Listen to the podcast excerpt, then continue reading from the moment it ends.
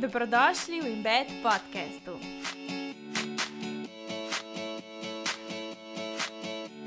Boleča menstruacija ima celo svoj smisel. Kaj bi si vi takrat želeli od vašega moškega? Na kak način vam lahko pride naproti?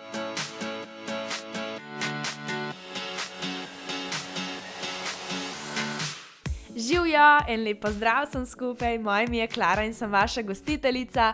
Dobrodošli v Embed podkastu, vsi tisti, ki ste danes prvič tukaj, in pa vsi tisti, ki se vsak teden vračate. Čaka nas še ena epizoda, taka res prav za ženske, hkrati pa na ta način, da vzpostavimo komunikacijo tudi z ljudmi okoli nas. Menstruacija je pač ena taka stvar, eno tako dogajanje, ki se nam dogaja samo ženskam, ne, moški tega ne bojo nikoli občutili, in hkrati se počutimo lahko mogoče v tem obdobju še toliko bolj nerazumljene. Sploh če je menstruacija boleča, neprijetna, da ful vpliva na tvoje razpoloženje in tako naprej. In uh, sem se jaz velika tudi spraševala, kako to skomunicirati z mojim partnerjem, kako to recimo skomunicirati z okolico, če imaš ful boleče menstruacije, tudi težko v službo hoditi in tako naprej. Potem se pa vprašamo, kako lahko to razložimo drugim, če še sami mogoče ne razumemo sploh, kaj hočemo, kaj si želimo takrat v tistem času. Ne razumemo mogoče sploh sebe, zakaj se nam to dogaja, kako se dogaja z nami. In ko globje razumemo sebe, veliko lažje razložimo tudi drugim, kaj se dogaja z nami. In v službi, svojemu šefu, in v partnerstvu, in v prijateljstvu, sploh če si res tiste dni trenutno zaenkrat še priklenjena na posteljo. Ta podcast je posnet tudi zaradi tega, ker si jaz tudi sama želim spremeniti mojo situacijo z bolečimi menstruacijami in verjamem, da je to možno čist za vse. To bo tudi povedala naša današnja gostja, Alison Kogoj. Ona je svetovalka za naravno plodnost, malo se bo tudi sama bolj predstavila. Gostila sem jo že v prvi epizodi prve sezone in bed podcasta in so govorile o hormonski kontracepciji, in pa tudi nasplošno, da boš razumeš, kaj se dogaja v tem tvojem ciklu. Ne? Ni samo menstruacija, kar bi videl, ampak nasplošno celo dogajanje skozi mesec. Od razpoloženja do neke produktivnosti in take stvari. Tako da, če še nisi poslušala tistega podcasta, močno priporočam, da greš najprej na njega, zaprav ga bom tudi polinkala v opis epizode, potem pa prideš nazaj na tega, pa da se lotimo še te teme, ki je danes prav specifična, se pravi, bolečih menstruacij. Preden gremo pa direktno na pogovor, je pa čas še za današnje sponzorje. Jaz jih zelo lepo pozdravim, so zelo dobrodošli. Eko Škrnica je z nami zdaj že ene par mesecev in sponzorira tole epizodo, je kot naročen za to, zato ker na boleče menstruacije vpliva tudi neurejena prebava. Eko Škrnica je razvil produkt Herbiotik, jaz ga jemem za ene tri mesece. Dobila sem tok enih sporočil tudi od vas, ki ste jemale zaradi glivičnih uh, unetij, ki se vam je čisto reguliralo, oziroma niso nazaj prišle zaradi bolečih menstruacij, mislim, res od vas sem dobila tak feedback, da sem še sama odprtih ust in res upam, da bo se tudi parmentko čim prej poznal. Herbiotik je v bistvu ženski probiotik, uh, produkt ustvarjen prav za ženske ker upošteva našo kompleksnost in unikatnost, ustvarjanje tako za dekleta kot za zrele ženske in podpira najpomembnejše točke v ženski. Izdelek vsebuje izključno naravne surovine visoke kvalitete, lahko ga uporabljajo tudi recimo diabetiki, ker ne povečuje nivo sladkorja v krvi in izdelek lahko uživate tudi kot preventivo. Herbiotik pomaga vzpostaviti ravnovesje črevesne in vaginalne mikrobiote, posledično pa preprečuje tudi vaginalna vnetja. Obljublja tudi lajšanje bolečih menstruacij, česar se jaz tudi zelo, zelo veselim.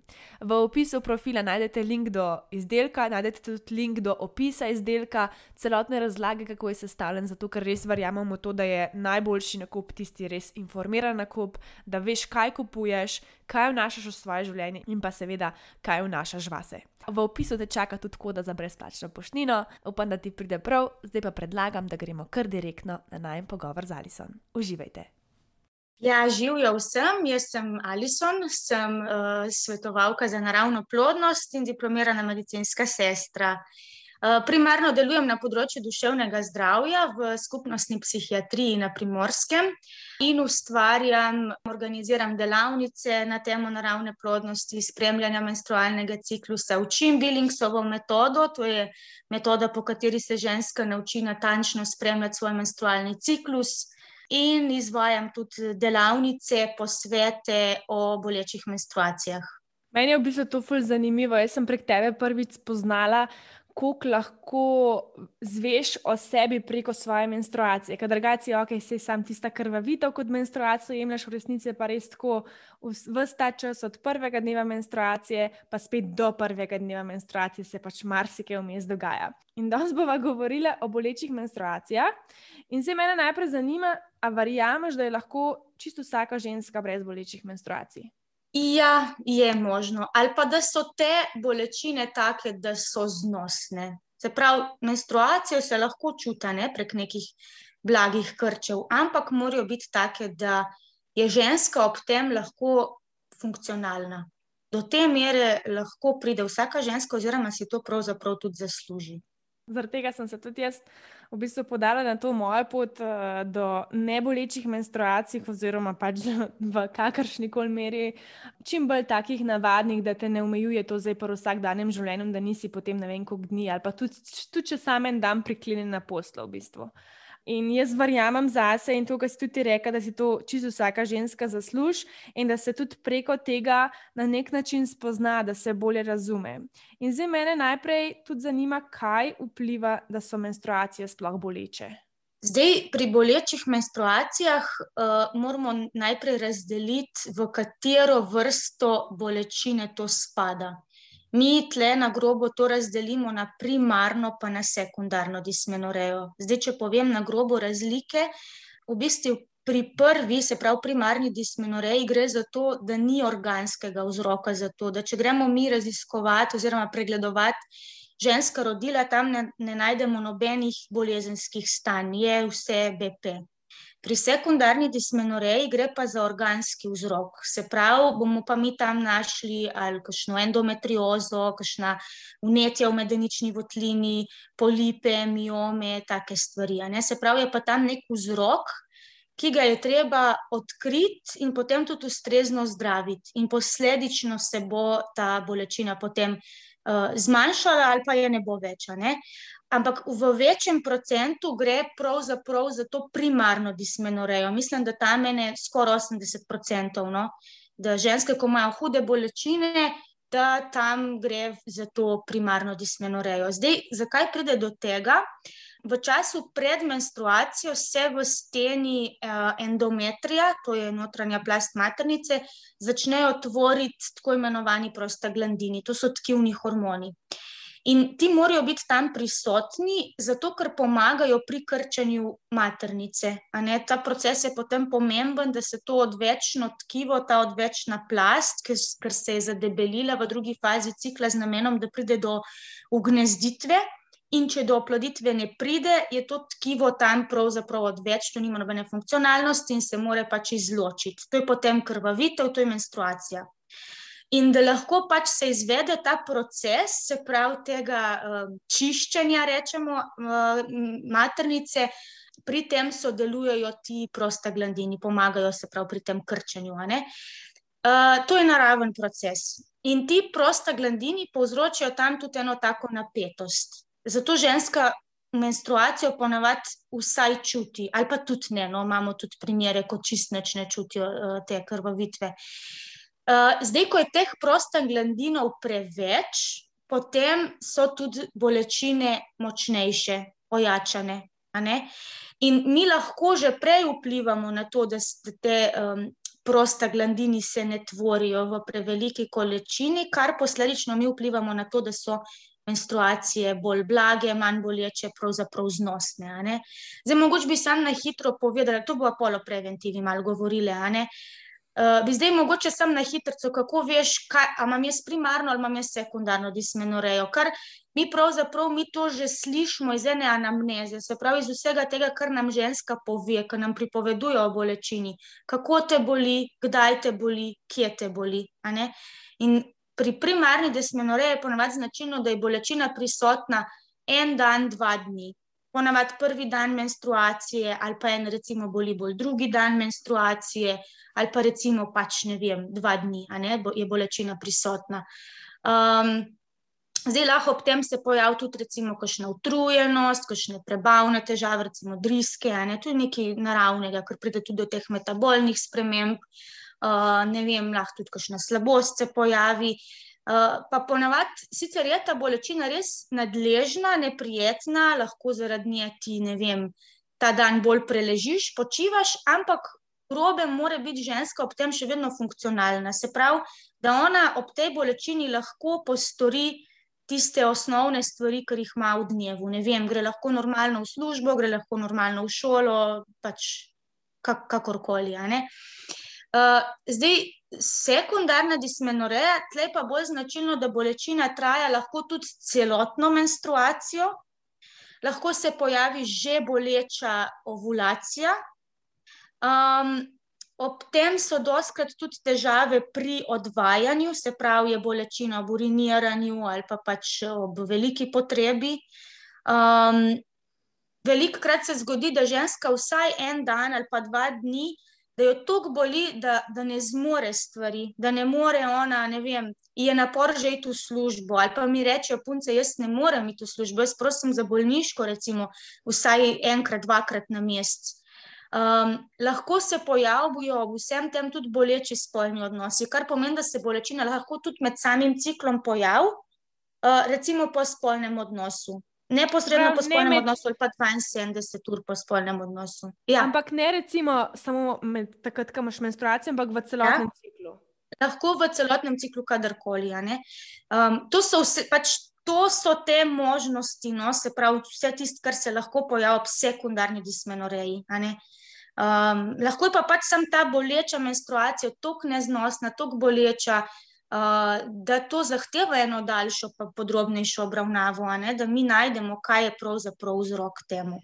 Mhm. To je zdaj neka tista groba razdelitev. Ne pa mogoče še to, da za primarno dismenorejo je značilno, da se ženska s tem srečuje od obdobja, ko je dobila prvo krvavitev, se pravi, nekje od časa mladosti. Pogosto je to povezano tudi s tem, da imajo ženske v družini boleče menstruacije. Ne vem, da je imela to tudi mama, sestra, babica, kakšna teta. Ne? Se pravi, je to nek pač družinski vzorec, recimo, oziroma genetsko pogojeno. Zdaj, za sekundarno dismenorejo je pa bolj značilno, da se to kar enkrat pojavi. Recimo tam, ko je ženska stara 25 let ali pa ne vem, v starosti 30 let, Reče, jaz nikoli prej nisem imela bolečih menstruacij ali pa toliko bolečih menstruacij, zdaj se mi je pa to pojavilo ali pa to ojačalo, da pravzaprav to vpliva na, moj, um, na moje življenje, na moje počutje, na moje razpoloženje, da težko s tem živim. Um, pa še mogoče ta del, da recimo ko ženske, a ne jaz jih polučim preventivo tudi. In ko uvedejo v življenje neko spremembo, velike tle na prehrani, tudi odnosu do sebe, gibanju, take stvari. Sprav, ko uvedejo neko spremembo, se po tej spremembi v roku vsaj 30, oziroma ne 30, v roku 3 do 6 mesecev po uvedeni spremembi se pokaže tam razlika, se pojavi izboljšanje. Pri sekundarni dismenoriji, pa tudi če bo uvedla neke stvari, lahko se zadeva umili, ampak neke bistvene, bistvene razlike pa ne bo. Zato, ker imamo tam vzrok, ki ga je treba pač odkriti, zdraviti, odpraviti. To. Zakaj pa recimo 3 do 6 mesecev? Ja, jaz mislim, da za toliko časa pač rabijo te um, hormonske stvari, da se uravnovesijo. Uh, pri tem velja tudi, da ženska ustraja z nekimi spremembami. Ne? Ker tle, recimo, ko rečem sprememba, tle res predvsem mislimo o prehrani, um, od, kako kak, uh, odnos ima ženska do sebe, veliko krat tudi kakšni dodatki k temu pripomorejo.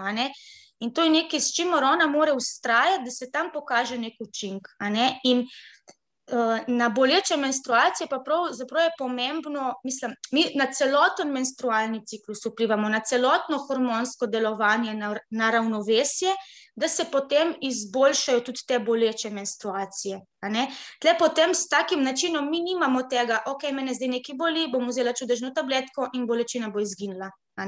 Gre za nek uh, daljši proces, za neko ustrajanje. Um, in je tudi fajn, ko imajo te ženske izkušnje, ko vidijo, ok, jaz sem to pa to naredila, to pa to sem spremenila, to pa to sem uvedla in to mi je prineslo spremembo ne, eno potrditev, jaz si lahko sama sebi pomagam, imam stvari v svojih rokah. In tudi to, ne, kadarkoli greš potem v življenju ven iz tega nekega življenjskega sloga, ne, pač pride obdobje, ko ješ drugačno hrano, ko imaš več eh, sladkega, ne, ali pa um, ja, ne vem, malo manj telesne aktivnosti, recimo, to je normalno. Takrat se lahko tudi malo boleče menstruacije nazaj pojavijo, ampak ti imaš izkušnjo, hej, jaz vem, k čemu se naj vrnem, da bom potem spet dosegla to, da so moje boleče menstruacije znosne. Imáš uh, ta, kako bi rekla, rešitev v svojih rokah, recept zase, to je super. A pa se tebi zdi, da imajo te boleče menstruacije še kakšno drugo sporočilo, kot pa samo, recimo, ne vem, kaj si rekla, da so lahko kakšni drugačni problemi, ali pa ne, da je treba, ne vem, jesti drugače, pa kakšen dodatek vzeti, da je tukaj neka globja zgodba vsake posameznice. Mm -hmm. Ja, sigurno. Zdaj, jaz dosti izpostavljam tudi ta del, da, da je boleča menstruacija lahko posledica enih čustvenih bolečin rečem, da je prav ena bolečina ženske duše. To je tisti del, ki se mogoče v medicini premalo tega dotaknejo, ne, mal, ne obravnavamo tam tega, um, ampak je lahko v ozadju tudi to, da so tam. Da je prav ranjena ta ženska narava, ženska duša in je v bistvu izvor bolečine nekje drugje. Pokaže pa se preko telesa, se pravi preko fizične bolečine. In veliko krat je pri ženskah to, kar gre v ozadju, recimo za kakšne travme, za kakšne um, krivice, boleče zgodbe, boleče izkušnje, ker jih noben te stvari sploh še ni slišal, ker mogoče nikoli še niso bile izrečene, so pa nekje v ozadju. Prisotne in, in butajo, in želijo biti prid na plano, želijo biti slišane, želijo biti razrešene, In ker se drugače te stvari ne morejo na drugačen način izraziti, lahko se prikazujejo v neki uh, bolečini, pogosto pri ženskah je to preko boleče menstruacije. Zato, ker um, maternica, pa vsa rodila, druga, ker spadajo tam zraven, to so, to so najbolj ženske stvari, ženski organi. In, in je v bistvu tudi en velik prostor za kakšno tako sporočilo sporočilo bolečine, sporočilo ja, ženske notranje bolečine. Mhm. In tudi te stvari pogledamo, tudi te stvari obravnavamo. In jaz imam lepe izkušnje s puncami, ko so si. Um, Pač upali tudi ta del dotakniti, tudi tega dela pogledati, in so prišle do uh, enih takih vsebin, ker so bile veliko časa nekje v ozadju skrite. In ko so one začele te stvari uh, razreševati, imeti eno sočutje do teh vsebin, so se tudi boleče menstruacije sprostile. Prav napišejo, da ni pa tega več, ali pa je dosti bolj znosno. Absolutno pa gremo mi najprej gledati uh, telesni vzrok. To je pomembno, da se te stvari izključuje, da se na teh stvarih dela, uh, da jih ne prezremo in potem ali pa ob tem gremo še na to čustveno področje. Pa tudi mora biti ženska malo pripravljena, odprta za to. Meni je drugač ta pristop tvoj, fulušič, zato je tako celosten in že sama nekako ne dojemam uh, svojega življenja. Površinsko, zato ker se mi zdi to mhm. čisto preveč dolgočasno in se mi zdi, da se zadaj skriva še toliko enih, mogoče bolečih stvari, tudi, ki si jih ne upamo veliko odkriti, ampak jih to tudi skriva eno tako res lepoto, uh, globino. In tudi, recimo, pri menstruacijah, jaz, ki imam boleče menstruacije, um, se spomnim, ne vem, tudi kot najstnica, ki sem dobila tisto menstruacijo, moja prva misel je bila res tako, ošit, zdaj bomo imela pa to vsak mesec. Ker so tudi vse mhm. ostale punce govorile, ne želj si je, bod vesela, da je še nimaš, veš, na ta način, ker pa je boš itak cel life imela in boš vsak mesec skole krvavela. In meni se je kot uno neko breme, kaj zvem, kaj veš na ta način. Yeah. Ja. Oh, zdaj pa res vsak mesec tako. Ja, kako se mi zdi grozno. Ja, zdaj pa grozen. No, in um, jaz, zdaj, ko pa imam boleče menstruacije, sem se jih tudi kar nekaj časa tako, ja, neko breme, se pravi, zdaj bom pa res vsak mesec mogla. Ne, zdaj, zdaj, se mi zdi, da so v zadnjem letu, dveh, mogoče še malo bolj intenzivne, spet odvisno od mesa.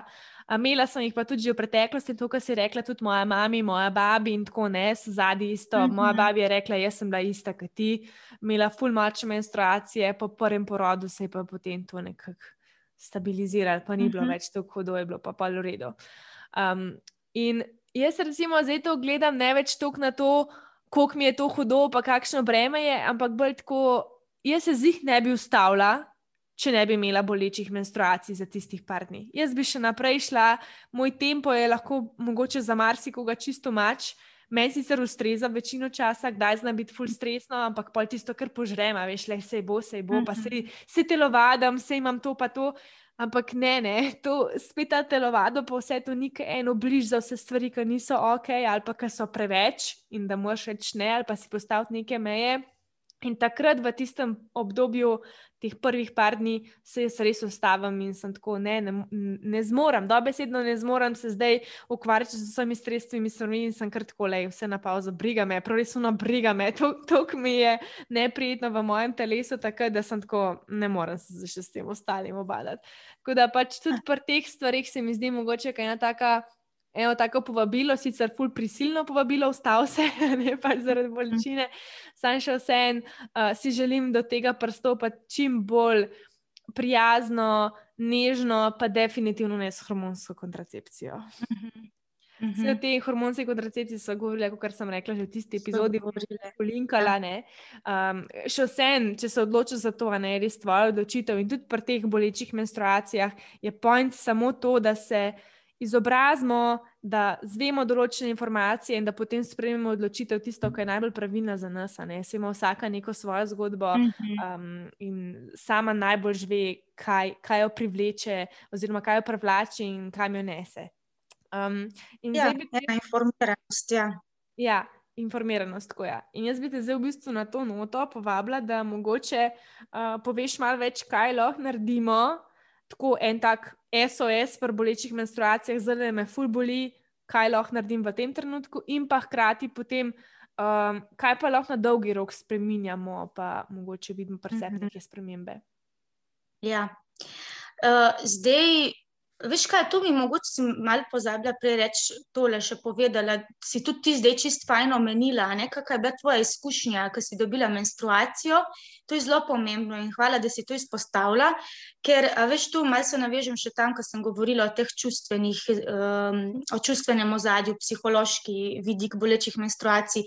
A veš, da je znanstveno dokazano, pa tudi jaz sem delala ene raziskave z mojimi ženskami, da ta prvo, prvo doživljanje menstruacije, se pravi, kako je ženska doživela prvo, mislim, punca, takrat prvo krvavitev, bo, jo bo to spremljalo lahko celo življenje. In punce, ko so v prvih krvavitvah doživele en, en strah, grozo, gnus, sram, celo panični napad, imajo uh, v kasnejšem obdobju življenja bolj boleče menstruacije, ali pa se takrat v času krvavitve zelo, zelo počutijo, v, zelo, zelo slabo počutijo v svojem telesu, v primerjavi s tistimi puncami, ko, ko so pa imele to možnost, da so to uh, prvo krvavitev lahko bolj sprejele kot nekaj um, normalnega. Predvsem to izhaja iz tega, ali so bile te punce predtem ozaveščene, se pravi, so vedele, da menstruacija obstaja, kaj to je, da je to stvar ženske narave. Se pravi, da je prej bila prisotna ena zdravstvena vzgoja, ena primerna razlaga ob tem, in so potem imele možnost na lepši ali pa na bolj prijeten način to stvar sprejeti. Kot pa recimo punce, ko sploh niso vedele, da menstruacija obstaja in kaj to je. In prišla tista krvavitev in krije, itak, ko mi vidimo eh, sporočilo nekaj slabega, neke nesreče, neke bolečine, a ne zdaj, ko to vidiš, tisto kritam, odkje to pride, pač ja, lahko to prebudi res v tebi ena, ena težka, neprijetna občutka in to lahko jih pol spremlja uh, celo življenje. Zato prva stvar, ki gremo gledati malo to psihološko ozadje, in jaz dan, dajte razmisliti, se vrniti v to obdobje, kako ste imeli vi možnost to prvo krvavitev sprejeti. Um, tako, no, čist malo, da se malo razume, iz kje lahko tudi, tudi to izhaja. Zdaj, ko si pa rekla, SOS boleče menstruacije, kaj takrat, ko bolečina nastopi, um, ko se pač že, že srečamo s tem. Zdaj, en način bo vedno tle farmakološki ukrep. In to ni nekaj, kar se pravi, da pač ti posežeš proti, po, po protibolečinski terapiji. To ni stvar, kar je napačna. Doskrat grejo ženske v to, gremo vse naravno, naravno, sam naravno, ne smem nobene tablete vzeti, jaz to ne bom. Ne?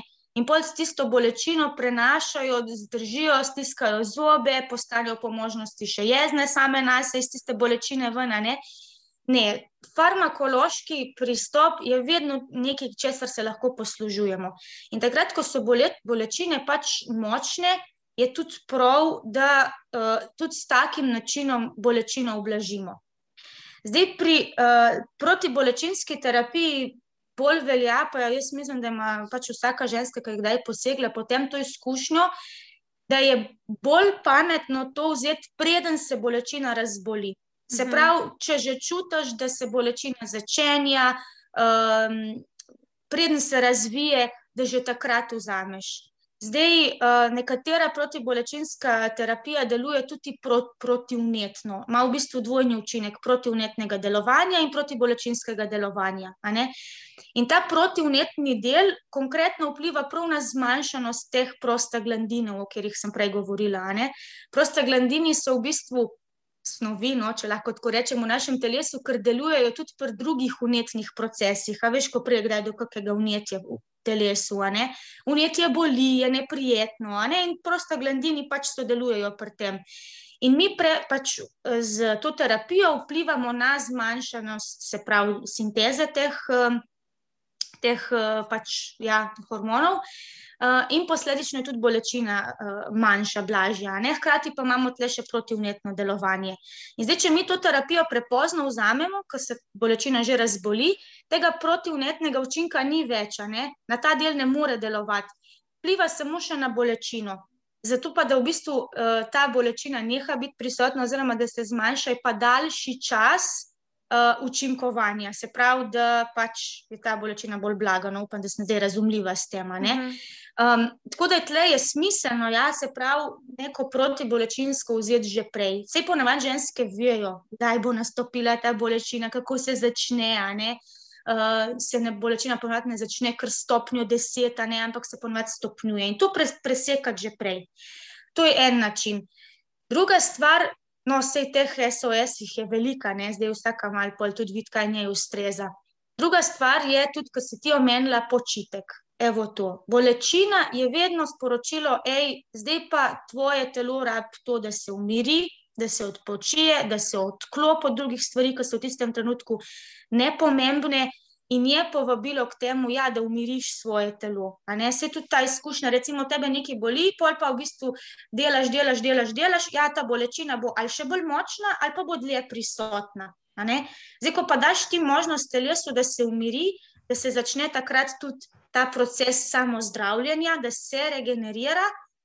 Ja, pa ne, na, en, na en eh, pozitiven način vplivaš na to, ne, ko daš tej bolečini pač priložnost, da, da izveni. Tako da jaz tudi rečem puncem, prvi dan menstruacije je zato, da si ga vzameš zase. In celo smo imeli enkrat o tem, smo govorili. Prvi dan cikla je moj prvi najlepši dan. To pomeni, da jaz sem rečem, dajte si prvi dan menstruacije, splanirati tako, da v tem dnevu počneš stvari, ki so tebi všeč. Zdaj za eno bo to dovoljenje, da ne vem, cel dan preleži pod kojutrom pa gleda serije, za eno bo to dovoljenje, recimo, da gre ta dan na sprehod, za eno bo to dovoljenje, da ta dan ne bo naredila nič več kot sam to, da gre v službo oziroma na faks oziroma da odposluša tista predavanja. Popustila mirno, lahko posodo v koritu, uh, cunje ne pospravljene, in tako naprej. Lahko je to tvoj poseben dan, recimo, ko si za ta dan šope kroš ali pa pač ne vem, si prvoščeš en dolg top tuš, pač me z, samo za ta dan rezervirano nekaj, kar je tebi prijetno, kar je tebi ok. Ker na ta način, veš, se začnejo tudi naši pozitivni hormoni sproščati, ta dopamin, po, eh, pač hormon dobrega razpoloženja. In ti dobri hormoni pač tako vedno vplivajo na to, da je neka bolečina v telesu uh, zmanjšana ali pa, pa vse, da jo mi lažje prenašamo, ali pa da hkrati preusmeriš pozornost še nekam drugam, k eni bolj prijetni stvari. Ne se naravno te popelje k tej prijetni zadevi, in si tam bolj, um, bolj sebe daš, se pravi, tisto lepšo stvar. Tako da to um, toplota. Recimo, pri bolečih menstruacijah same tudi opažajo punce, ne, da bolj toplota jim pač prija, enim sicer tudi bolj mrzlo, ampak to je bolj uh, redko, no, večinoma toplota. Tudi grejo, recimo, res za dolg čas po topu tuš ali tako si dajo termofor na trebuha, ne da te ogreje. Zdaj en trik je mogoče tle, kaj je mal bolj učinkovit. Um, ko mi želimo ogreti telo, sploh ta trebušni del, je fajn ogreti spala. Ker ljudje imamo pogosto mrzla, hladna stopala. Za eni se tega bolj zavedajo, eni manj. In tudi, recimo, kdo reče, o, jaz, ko imam hladna stopala, imam celotno to, eh, telo, uh, pač me bolj zebe. Um, in takrat, ko, želiš, da, da, te, da se te, pač, da čutiš to teplo, toploto, je super ogreti stopala. In najbolj hiter način je ta, da daš stopala pod ledeno mrzlo vodo za par sekund, ja, jih fajn, fajn obrišeš in potem obuješ tople nogavice. In pol čutiš, kako se pol toplota ti prav dviga gor stopal in ogreje ta trebušni del. Večja učinkovitost ogrevanja telesa je na ta način. Sej pol tudi, če si daš zraven še termofor ali pa se v dieko oviješ. In uh, a veš, to tudi ta način razšir um, žile, na kar posledica tega je pa, da so v bistvu naši organi bolj prekrvavljeni, a ne dobijo pač uh, prej, oziroma več eh, hranil, kisika, kar pravzaprav naše telo, naši organi rabijo za eno normalno funkcioniranje. Tako da, ko se boste želeli ogreti ob bolečini, probite ta način. Um, Bom. Ja, bolj zanimivo. Ja, ja. Uh, pol, imamo boleče menstruacije, recimo, so tudi mogoče to stvar. Ženskam pa še takrat ležati v položaju fetusa, ne, da skrčeš kolena proti trebuhu. Um, to v bistvu um, te mišice no, uh, sprosti na ta način.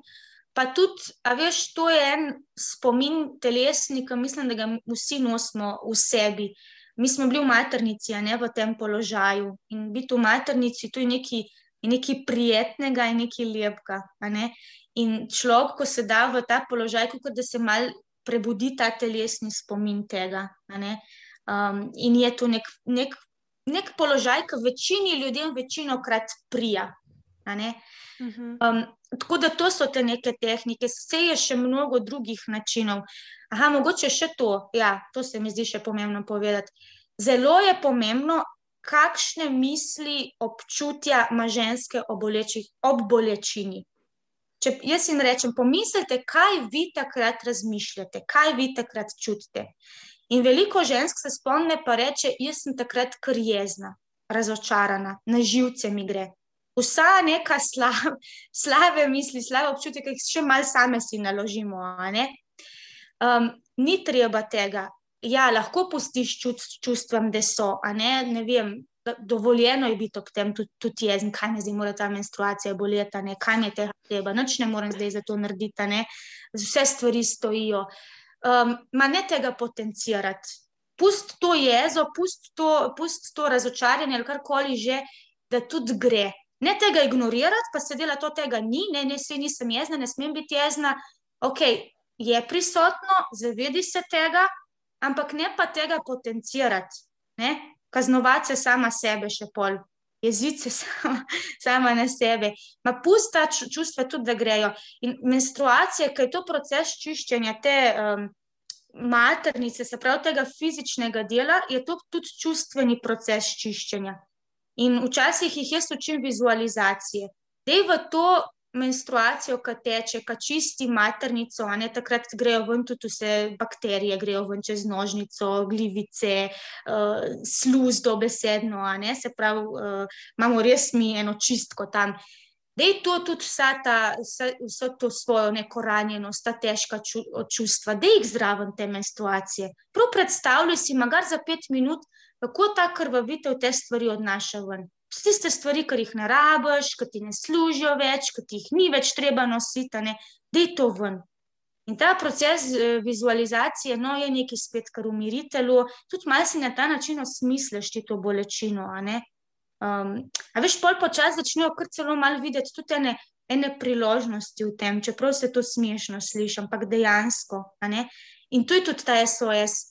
Ka, ka, kakšna si ti sama s sabo tej bolečini. To je, to je zelo pomembno. To, no. Ali recimo, ne to o preventivi, ki so govorili, se pravi, zdaj nekje, a ne, ok, zdaj imam močno menstruacijo, kaj lahko zdaj naredim. Jaz bi se pa uh -huh. tega mhm. rada lotila, ne se pravi, na nek, na nek dolgi rok, da naredim neko dejansko spremembo. Pa še to, no, da se mečke nazaj vrnem, kar si rekla, ne, da je treba to tableto vzeti še preden se razboli. Jaz sem naredila uh -huh. že to napako, da sem jo uh -huh. pač polozila, ker mi že vse boli.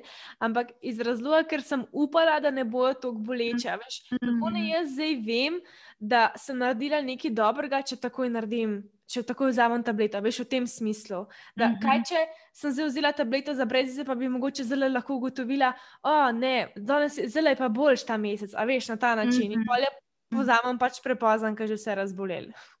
Uh -huh. Uh -huh. Bom tudi to malo. Uh bom povedala. Ja, um, zdaj, če gremo malo najprej na to preventivo. Um, a veš, telo, mi imamo dve fazi cikla. Ne? Se pravi, prvi cikl je od prvega dne menstruacije pa do ovulacije, in to je pač obdobje, ko se telo pripravlja na proces ovuliranja.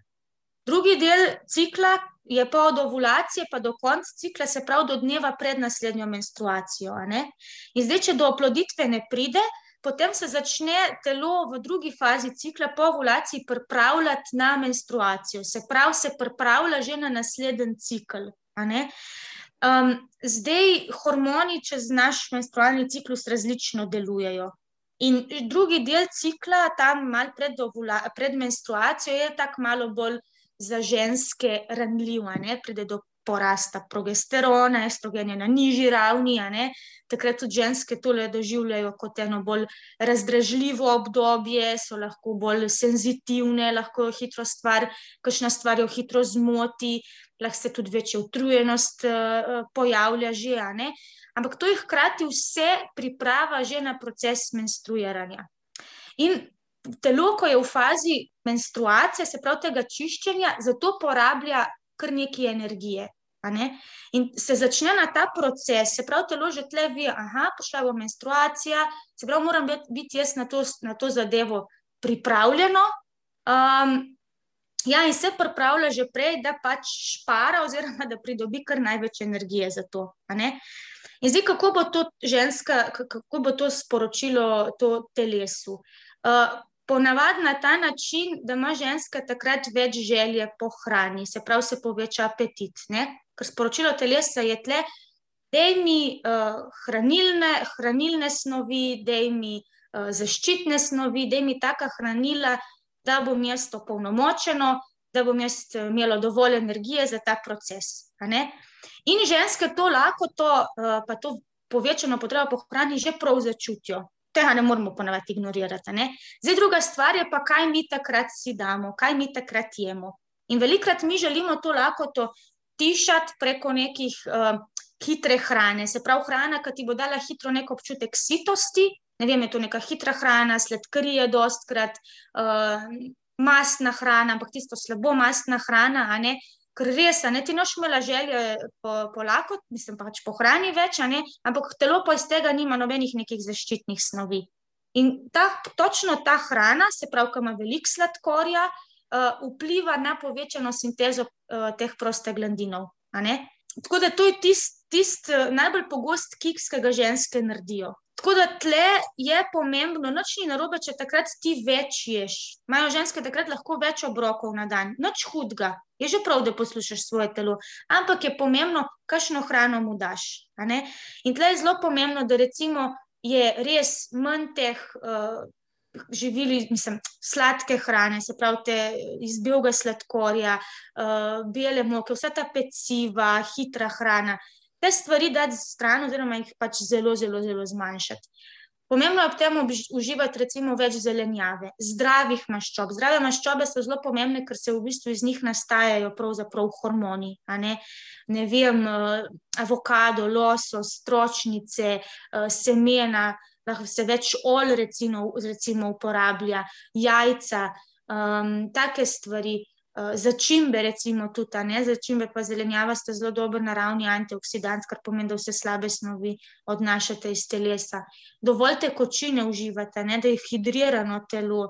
Um, zdaj pa tle rečejo, pa neč sladkarije smemo, ne. lahko tudi sladkarije, se, lahko, ampak je pomembno, kaj ti uživaš ob teh sladkarijah. A veš, da če so same sladkarije, ja, pol ne bo ok, pol bo se bojo tisti prosti glandini tam res pač povečala ne, in posledico imamo potem boleče menstruacije. Tako da ta način prehrane, to zdaj je zgornje čistene osnove, a veš, ta način prehrane je zelo, zelo pomemben pred menstruacijo, že prej. Um, Pol so recimo druge stvari, recimo tle telesna aktivnost, mogoče bi se tega tudi uh, dotaknila.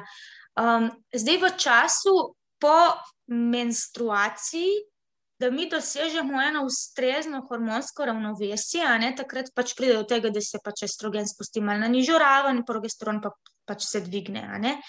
Um, zdaj, fajn je, recimo, tam v času po ovulacije malo povečati telesno aktivnost ali pa sploh biti telesno aktiven, ker na ta način mi poskrbimo, da se odvečni estrogen izloči iz telesa.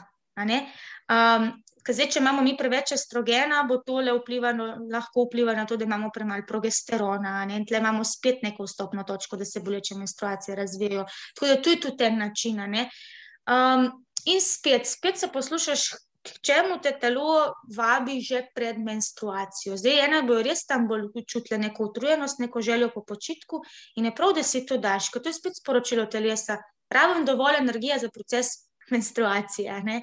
In počitek je v bistvu šparanje z energijo. Vse za eno je počitek to, da pač dejansko počiva, za eno je počitek to, da gre na sprehod, ne na mesto teč, recimo.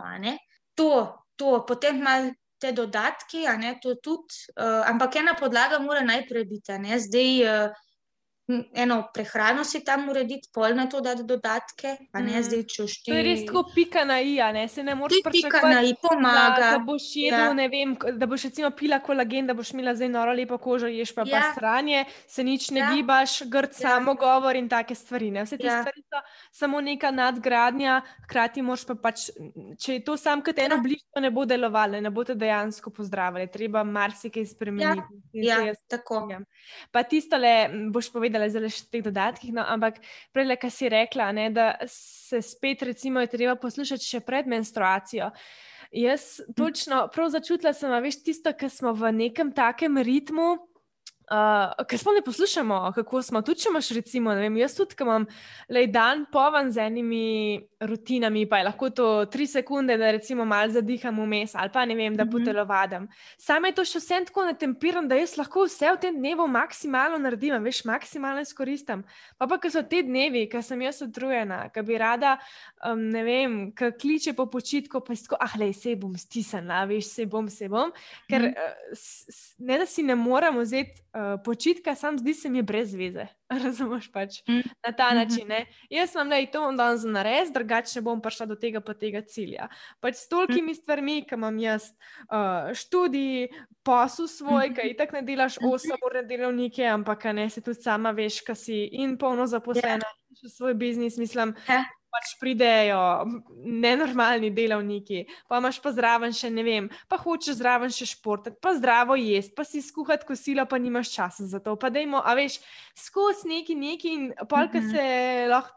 Konc dneva res samo še dol padaš. In recimo, meni to takrat, ko je tako opažam, takrat, ko je ovulacija, takrat, ko je to, jaz sem polna energije, idej, dejmo zdaj, a veš, zdaj pa cajt, da ne, to se naredimo pa pa kar malo gašam, veš, proti menstruaciji in takrat, ko je pa menstruacija, sem pa jaz uno, zdaj pa ne morem. Mm -hmm. in uh, prej, yeah. Ja. pa, kar si še govorila o prehrani, jaz mm -hmm. jem drugač tok enega cukra, pa hkrati vem, da mi to škoduje. Ampak, veš, to je uno isto, recimo, prhušenju po vseh teh stvarih točno veš, kaj delaš v svojem lifeu, da ti preprečuje, da bi dosegel recimo, ne vem, nek določen cilj, ampak ti ne vem.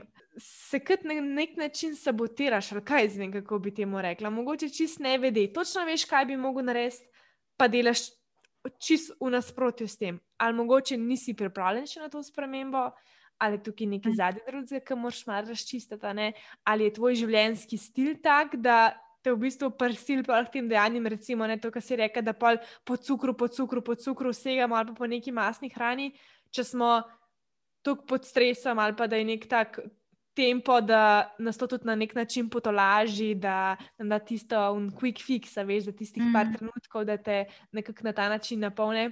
In recimo, zdaj, kaj jaz razmišljam, kaj bi lahko naredila. Ne? Ne, nekaj je, da ti veš, kaj je tvoja težava, pa kaj bi mogel narediti nekaj pa kako realizirati te cilje. Veš, kako si mm -hmm. lahko, ko se vprašaš, kako lahko jaz zdaj neko majhno spremembo upeljem v moj vsak dan. da mogoče ne bom občutila, da mi je to kar za neko breme, da moram jaz to delati, ampak da si res lahko v neko svojo rutino to dodam, pa da mi to pomaga pri tem, da vem, se mi potem na dolgi rok popravi to, pa to, pa to, ne, da hočem nekaj spremeniti. In recimo meni je zdaj takoj avtomatsko, okay, kaj če jaz se večkrat ustavim v mestu, kaj delam, pa si prisluhnem, kako se počutim. Kaj če na mestu, da ne vem, zale skočim po čokolado, da se vprašam. A mi bo to res pomagalo, res tisto, kar hočem čokolada, a se bom pol, sem že zdaj tako tako sita, pa se bom pol slabo počutila fizično, a veš neke take stvari, um, ki ti mogoče potem tudi do neke spremembe pripeljejo, pr ker ne boš pol vsakič recimo segel po ne, se je, ok, košček čokolade, gordo, sam, ker mm -hmm. jaz mhm. vem, da meni pač ni košček čokolade. Ni, ne izhaja to iz tega razloga, da bi bila jaz, da bi imela krivdo, pač tega, to ni več del moje zgodbe, je bil včasih, zdaj ni več. Ampak bolj tega, da vem, da delam neke stvari, ki mi škodijo, pa hkrati ne naredim v bistvu nič v tej smeri, da bi to spremenila. Mogoče ne, ne glih nič, ne, še vse, ful, se mi zdi, da delam ful na sebi. Sam ta ključna sprememba, kar se tiče pa prehrane, um, mislim pa, da imam še očitno parsep nekaj za razčistiti, da še kar nisem spremenila tega. Ja, veš, upam, da niso zdaj ženske, ki še ga pritiskati, le doživele. Včasih je pa mogoče tole. Um, Veš, včasih grejo pa ženske, ko slišijo neke te informacije, o, super bi bilo ta del cikla tako pa tako narediti, tako pa tako spremeniti v prehrani. In grejo pol pa v eno drugo skrajnost. Ja, ja. In začneš pa že z nasilje sama nad sabo delati.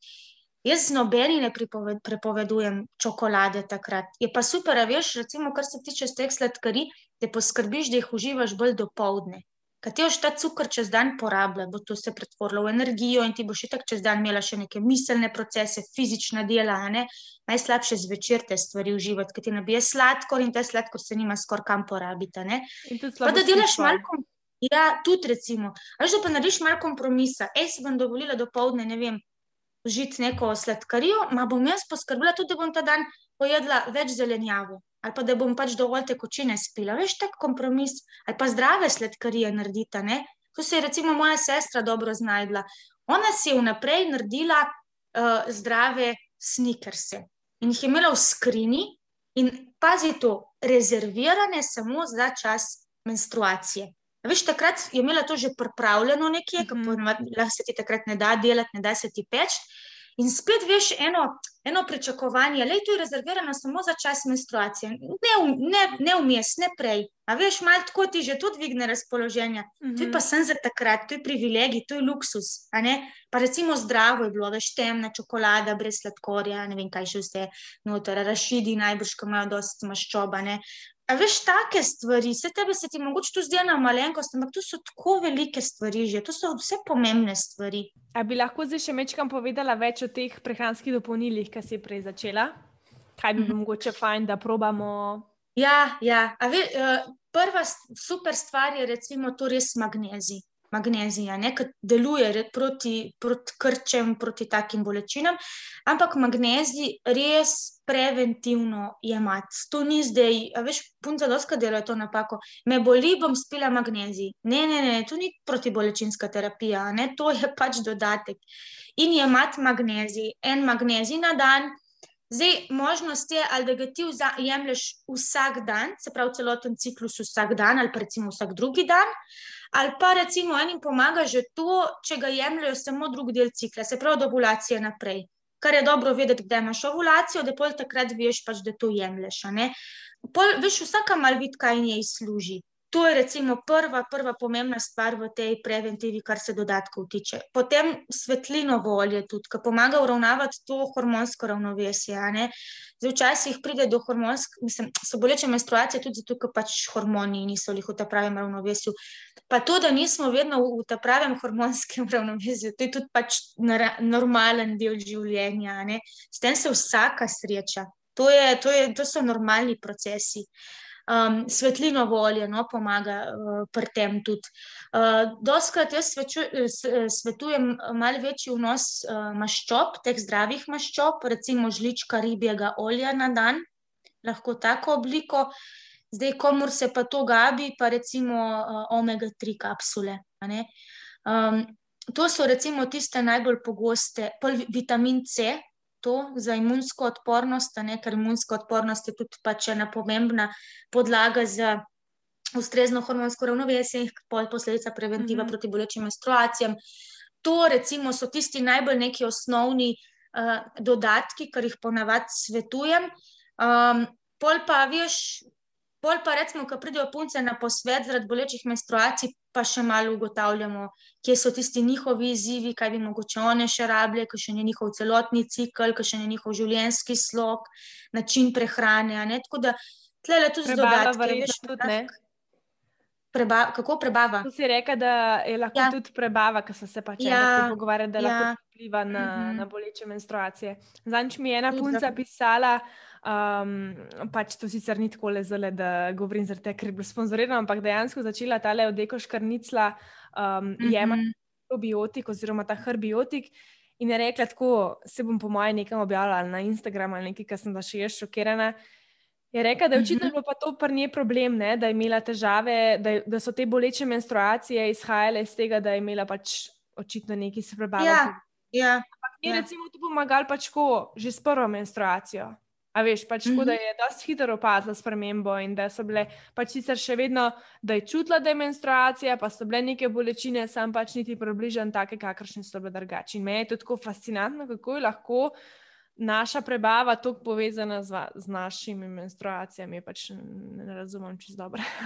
ja, pač ja lahko, lahko, veš, se tu bi lahko mi zdaj samo o tem govorili, ampak veš, uh, ta črevesna flora, to. Um, Ja, prav te prebavni procesi lahko recimo spodbujajo nastajanje nekih uneti v telesu na drugih uh mhm. -huh. področjih.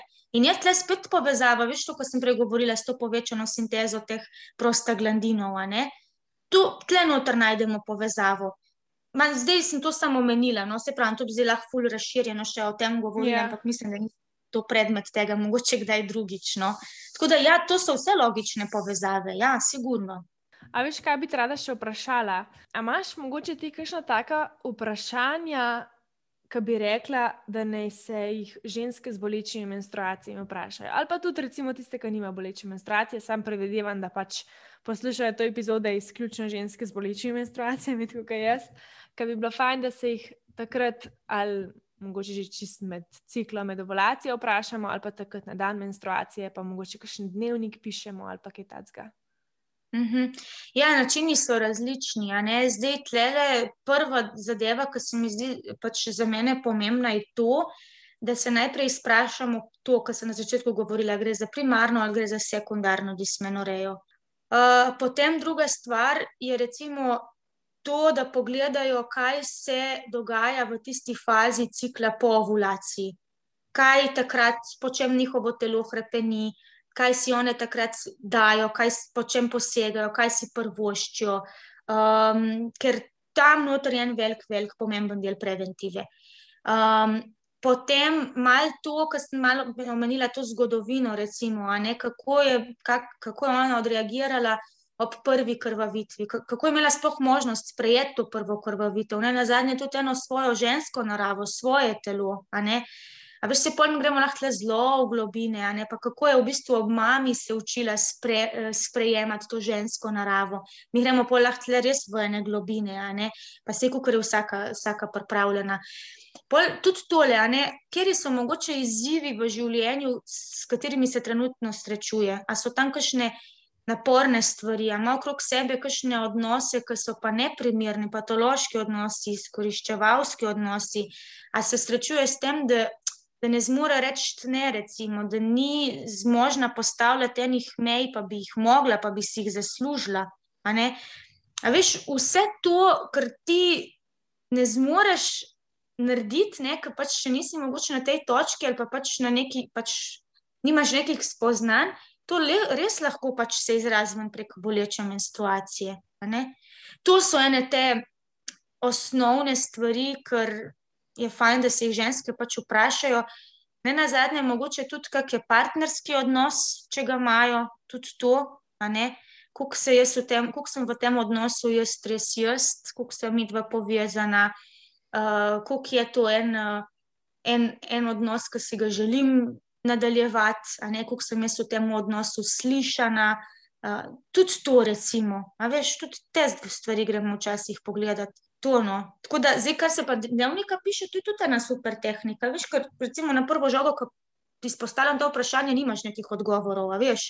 Tako, uh, tudi sem imela en, enkrat, vse po mojem na Instagramu, še zmeraj objavljeno, a bili izziv, da spremljajo svoj ciklus prek teh čustvenih sprememb. In bolj ozavestiš, veš, če si en cikl res prisotna, kaj, kaj doživljaš, kaj čutiš, kaj, kaj razmišljaš, kaj se ti dogaja da imaš eno to izkušnjo, kako ti prek tega cikla deluješ. To je dober način. Vzeti en cikl od prve dne menstruacije do naslednje, pa pisati dnevnik. Veš, kaj sem zdaj še pomembno povedati? Tole moram povedati. Moški in menstruacija, ta del. Uh, Kako je pomembno sem zraven vključiti tudi naše moške, naše partnerje, fante, može. Dejte, takrat, ko imate boleče menstruacije, dejte pomisliti, kaj bi si vi takrat želeli od vašega moškega, na kak način vam lahko pride naprot, na kak način vam, vas lahko takrat podpre. Če je to, da mi malo več miru, dajte mu to na en prijazen način skomunicirati. Če je to, takrat si želim, ne vem, več enega crtanja, nežnosti, dajte mu to na en prijazen način skomunicirati. Če je to, jaz si pa želim, da ne vem, mi takrat narediš en top čaj, dajte mu to eh, skomunicirati. Ker, a veste, moškim je pač je tudi pomembno, kako se mi pač počutimo. In oni bi si želeli nam dati takrat nekaj, da se mi pač dobro počutimo. Ampak, če oni ne vejo, kaj to je, jaz si nam ne morajo tega dati. In veliko krat moškim odleže, ko dobijo od ženske eno, eno sporočilo ali pa da slišiš eno, eno željo od, od nje, kaj si ona takrat želi od njega. Ne pričakuje, ne zahteva, ne navodila, ja, to ja, so ja, že ja. tako malo smotane stvari. Ampak res, kaj bi si takrat ona želela od njega? A veš, kako to njim prav odleže? On si misli, hvala Bogu, končno vem, kako naj delam, v navednicah delam svojo žensko v času menstruacije. Ja. Mm. Dajte se takrat tudi vašim fantom v skrbo, prav to. Dovolite, da poskrbijo za vas. Ja. Jaz bom dala ti vprašanja, pa tu, um, kar si prej povedala, v opis epizode, pa boste lahko pol dejansko preko dnevnika ali pa zauzamete zelo en štiri list papirja, pa greste odgovarjati, pa vidite, kaj se vam pride na plano. Nekaj, kot si rekla, kad slišiš nekaj vprašanja, imaš lahko neke utrinke zraven, ampak v resnici pa ne greš neki stvari do dna ali pa mogoče sploh nimaš odgovorov na njih. Zdaj bi te pa v bistvu za konč še prosila. Sam tako, če imaš kakšno misel, ki ti zelo pride na pamet, ki bi jo rada sporočila našim poslušalkam danes. Da uh, boleča menstruacija ima celo svoj smisel. Ma zdaj to govorimo o tisti bolečini, ki se jo lahko prenaša, ne o njih, ki si tam mrtva, pa ne moreš ostati. Uh, boleča menstruacija je pravzaprav na nek način priprave ženske na porod.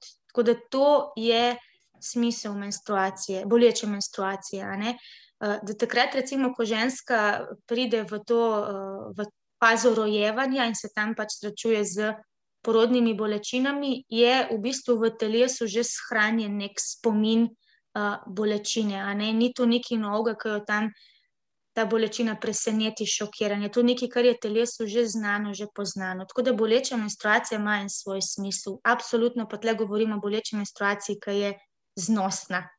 To, to bi zaključila. Evo, pa smo prišli do konca današnje epizode. Vse podatke o Alisu bom pustila v, seveda, opisu epizode.